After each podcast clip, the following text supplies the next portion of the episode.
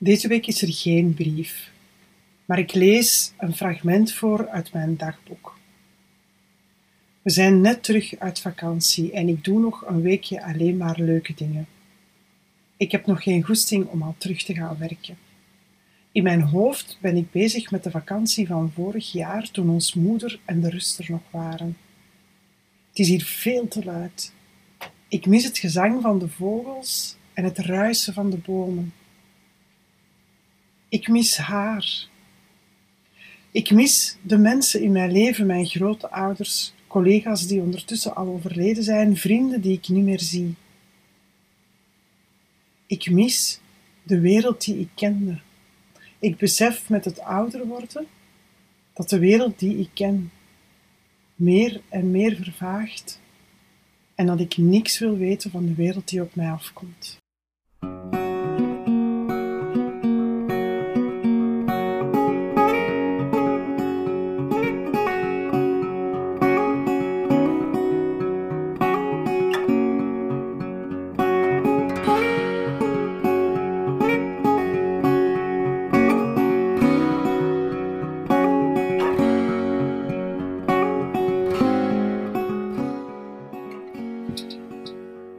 In het echt ben ik nog niet thuis, maar hebben we wel beslist om vroeger naar huis te gaan.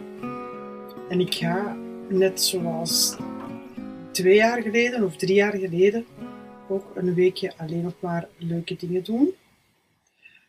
Niet omdat ik geen goesting heb om al terug te gaan werken, maar omdat ik nog niet mag en omdat ik eerst toestemming moet hebben van de huisarts om terug opnieuw te starten. En ook omdat we ehm, jammer genoeg een telefoontje hebben gekregen van de dierenkliniek, die ons vertelde dat Azrael, onze schone rosse kater Azrael, dood is teruggevonden in de tuin van de buurman.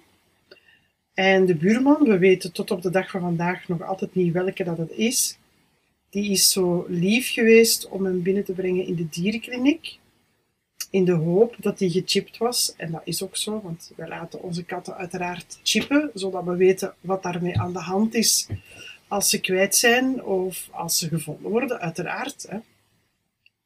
We willen vermijden dat ze gevonden worden en dat ze in het asiel blijven. Um, wij willen die gewoon terug als daar iets mee gebeurt, en dat is in dit geval ook.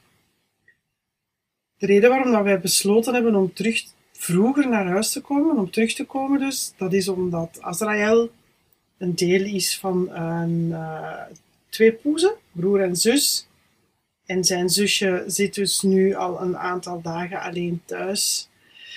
Ja, en ik weet niet of dat jij een uh, dierenvriend bent of dat jij huisdieren hebt, en bijzonder een kat, maar uh, katten rouwen ook hoor geloof me maar dat ehm, katten die samen in een troep leven, in een gezin, in een huis, dat die echt wel van slag zijn als er een van de huisdieren wegvalt.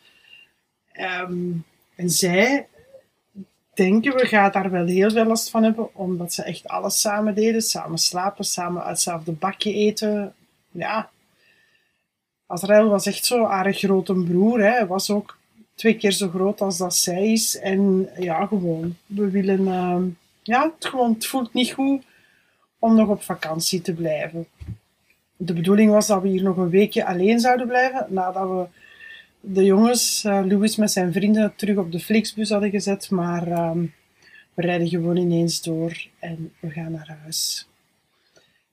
Ik weet nu al dat als ik thuis ben, dat ik het gemis uh, het, van het zingen van de vogeltjes en het ruisen van de bomen en het klateren van het water, dat ik dat ga hebben. Ik, ik vind de stad, en wij wonen dan echt, echt aan de echte rand van de stad, maar ik vind de stad nog altijd veel te luid.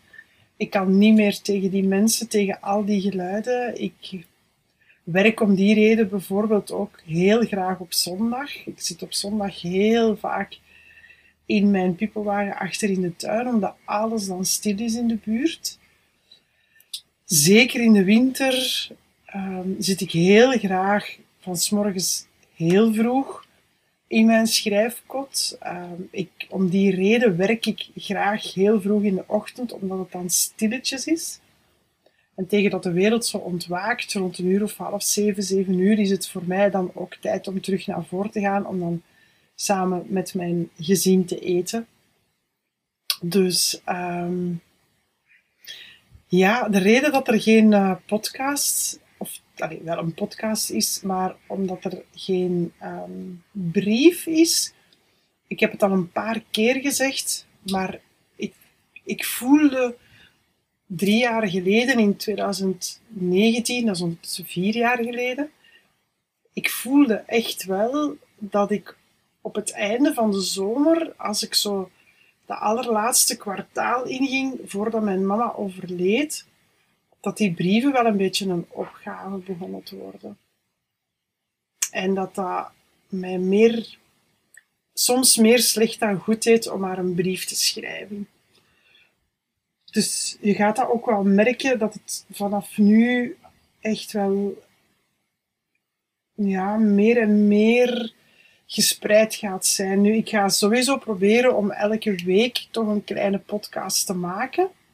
Om toch wel iets in te spreken, want ik heb uiteraard mijn dagboekfragmenten nog wel. Dus ik kan wel iets vertellen over hoe ik mij die week heb gevoeld. Maar dan gaat dat niet op basis van de brief zijn. En dan gaat dat ook niet echt in vergelijking met de brief zijn die ik dan schreef in 2020. Dus voor nu zou ik zeggen, ehm, blijf volhouden. Want er komen natuurlijk nog wel een paar mooie brieven aan. En ehm, ja, ik hoop dat je er nog altijd iets aan hebt aan het luisteren naar deze podcast. Maar wij horen elkaar snel. zijn de volgende week dus. Bye bye!